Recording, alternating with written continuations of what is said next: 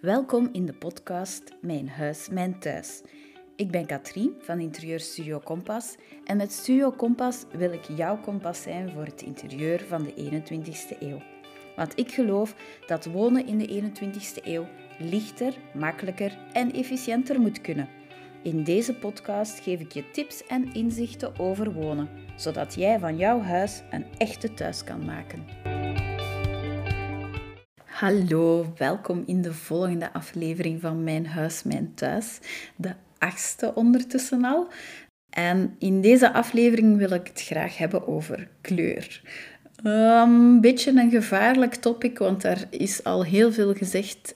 Maar ik denk dat iedereen ermee geconfronteerd wordt als je een nieuwe woning hebt of op een bepaald moment als je je woning wilt updaten of dat je effectief afvraagt van oké, welk kleurtje zet ik tegen de muur?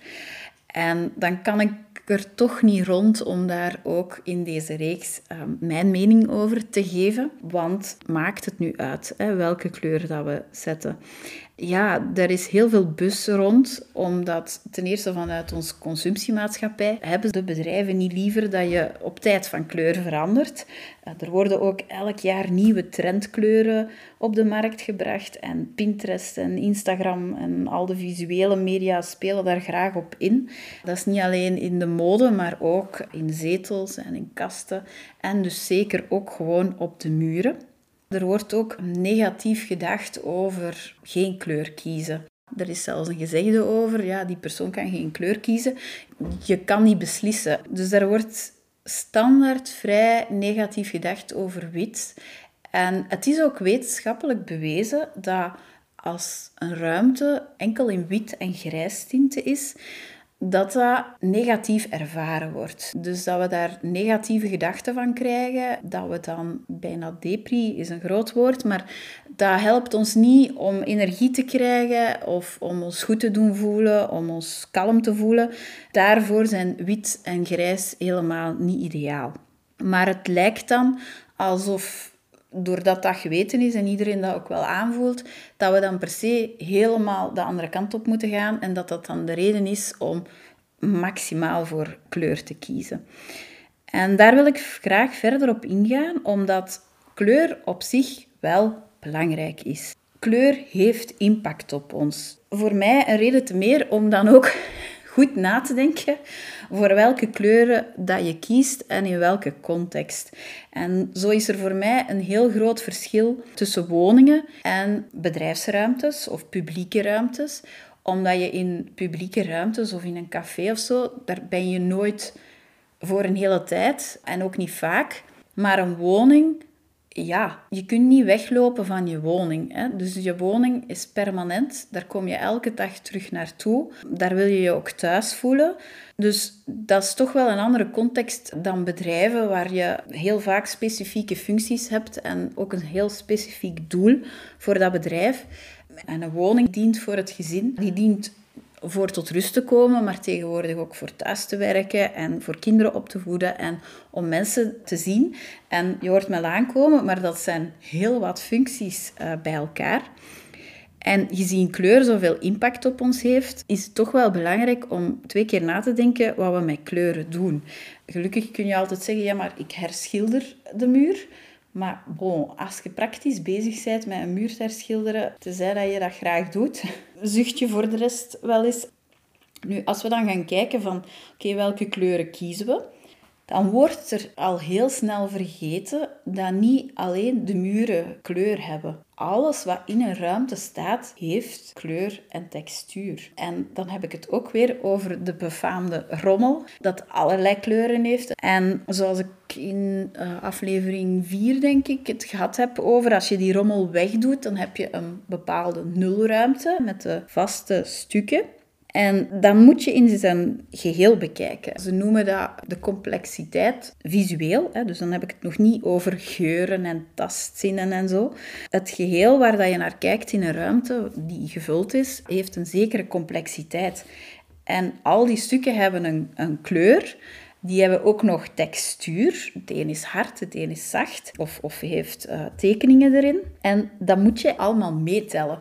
Dus stel dat je heel je huis voor wit zou kiezen, in praktijk is je huis nooit wit alleen. Dus in die zin zeggen dat wit saai is, dat telt al meteen niet, omdat je vanaf dat je er begint in te wonen sowieso andere stukken hebt. Dan is er wetenschappelijk gezien dat wij voor wonen ons goed voelen als we maar een twee, maximum drietal kleuren hebben in huis en maximum twee of drietal kleuren textuur hebben in huis. Dat is weinig. Natuurlijk, een textuur van een, een fruitschaal die op de kast staat, telt veel minder mee dan de grote tafel of een grote zetel. Dus je mag dat wel een beetje relativeren. Een kleine side note is wel dat ze ook gezien hebben dat mensen natuurlijk verschillende persoonlijkheden hebben. Ik kom daar uh, in een latere podcastaflevering uitgebreid op terug. En er zijn typen van mensen die graag toch nog meer complexiteit hebben. Hè. En er zijn mensen die zich goed voelen met nog minder complexiteit dan die 2 à 3 kleuren en texturen. Maar 2 à 3 is ongeveer het gemiddelde, dus dat is zo goed als niks. Als je dan nog gaat uh, kijken van, oké, een vloer is ook een kleur, een kast heeft ook een kleur, ja, dan kom je al heel snel van, oké, welke kleur heb ik nog over voor de muren? En er zijn andere parameters die nog veel meer impact hebben en belangrijk zijn om eerst aan te pakken.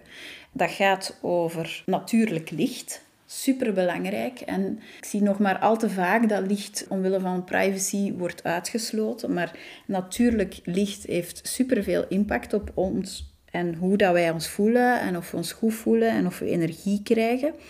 In die context ook is zicht op groen super belangrijk. En is het dus in praktijk veel belangrijker om te kijken van oké, wat zijn mijn ramen? Hoeveel licht komt er natuurlijk binnen? En wat is mijn zicht? Heb ik zicht op groen? Dat zal veel meer impact hebben op ons welbevinden dan de kleur die je finaal kiest op de muren. Daar komt nog een derde aspect bij dat ook universeel is en, en dat is dat wij in binnenruimtes ons beter voelen als we hout zien. Hout heeft een heel positief effect op ons. Dat zie je ook terug in oude uh, filosofieën zoals Feng Shui en zo. Daar is een, een marge voor. Het is niet de bedoeling dat je volledig in hout zit. Hè. Dat gaat aan zo'n uh, net iets minder dan de helft. En dat mag zelfs nephout zijn. Dat mag zelfs op HPL-plaat zijn. Het moet er wel natuurlijk uitzien. Dus als je al het patroon van hout ziet, maar het is heel synthetisch, allemaal hetzelfde patroon, dan werkt het niet. Maar vanaf dat wij met ons oog geloven dat het echt hout is, is het voldoende om dat effect te hebben. Dus nu heb ik het al over drie andere zaken die heel veel effect hebben op hoe wij ons voelen los van kleur. Ik hoop dat jullie begrijpen waar ik naartoe wil in deze podcast. Mijn filosofie uh, voor woningen is van oké, we zien eerst dat de basis in orde is. Het licht, ook het, het gewoon licht, s'avonds dan, is superbelangrijk. Um, wat is het zicht op groen en hoe kun je dat nog activeren in de woning zelf? En ook naar de texturen. Hoeveel texturen zijn er sowieso al aanwezig? En dan kan je naar kleuren gaan kijken. Elke kleur heeft een bepaalde impact op mensen. Nu, dat zijn ook weer gemiddeldes, want wij kunnen ook zelf door dingen die, die gebeurd zijn vroeger een associatie hebben met een kleur waar wij onszelf niet goed bij voelen. Dus los van de theorie welke kleur wat doet met ons, heb je ook nog de persoonlijke impact. Ehm, ook al kan bijvoorbeeld zachtgroen heel rustgevend zijn voor ons, als je daar op een bepaald moment een verkeerde herinnering aan verbonden hebt, ja, dan zal dat in uw geval nooit zo zijn. Dus los van de algemene theorie voor kleur heb je ook nog je persoonlijke ervaringen en hoe dat wij daarop programmeerd zijn. Maar er is wel een heel algemene theorie en dat is dat als je letterlijk warme kleuren in een ruimte hebt, dan gaan we ons ook warmer voelen en koude kleuren, dan gaan we het rapper koud hebben. Dus in die zin kan je wel beginnen kleuren gebruiken om toch nog het welbevinden beter te verhogen. Zo is er ook algemeen het effect van als je lichtere kleuren gebruikt die met een lage saturatie, dan begint het al heel technisch te worden. Ik ga daar voor de rest niet te ver op ingaan. Maar dan heb je ook uh, een heel kalmerend effect. Op dit moment is het bijvoorbeeld heel trendy om, als er een nieuwe baby is, om in beige tinten uh, te werken. En dan wordt er als commentaar gegeven, ja, maar ja, dat is niet bevorderlijk voor de baby. Beige tinten, dat, dat stimuleert hen niet en dat is eigenlijk voor de ouders. Nu, beige tinten en bruin tinten zijn inderdaad heel kalmerend en dus ideaal voor de ouders. En in mijn opinie denk ik dan van die baby wordt voor de rest al genoeg gestimuleerd. Vanaf dat jij daar tegen praat of je komt daarmee buiten of uh, gewoon al in het licht gaan staan. Een baby, geloof mij, in deze maatschappij wordt sowieso genoeg gestimuleerd. En dan vind ik het helemaal niet zo gek van die ouders dat ze op dit moment in deze drukke tijden kiezen voor bijstinten in, zodat zij zelf misschien hun wat rustiger voelen. Dat vind ik dan jammer, um, dat dan puur in een bepaalde context wordt gekeken en dat daar dan geen vragen bij gesteld worden. Kleur is geen exact verhaal en hangt heel hard af van de persoonlijke situatie en heel hard hoe dat jij op dat moment voelt.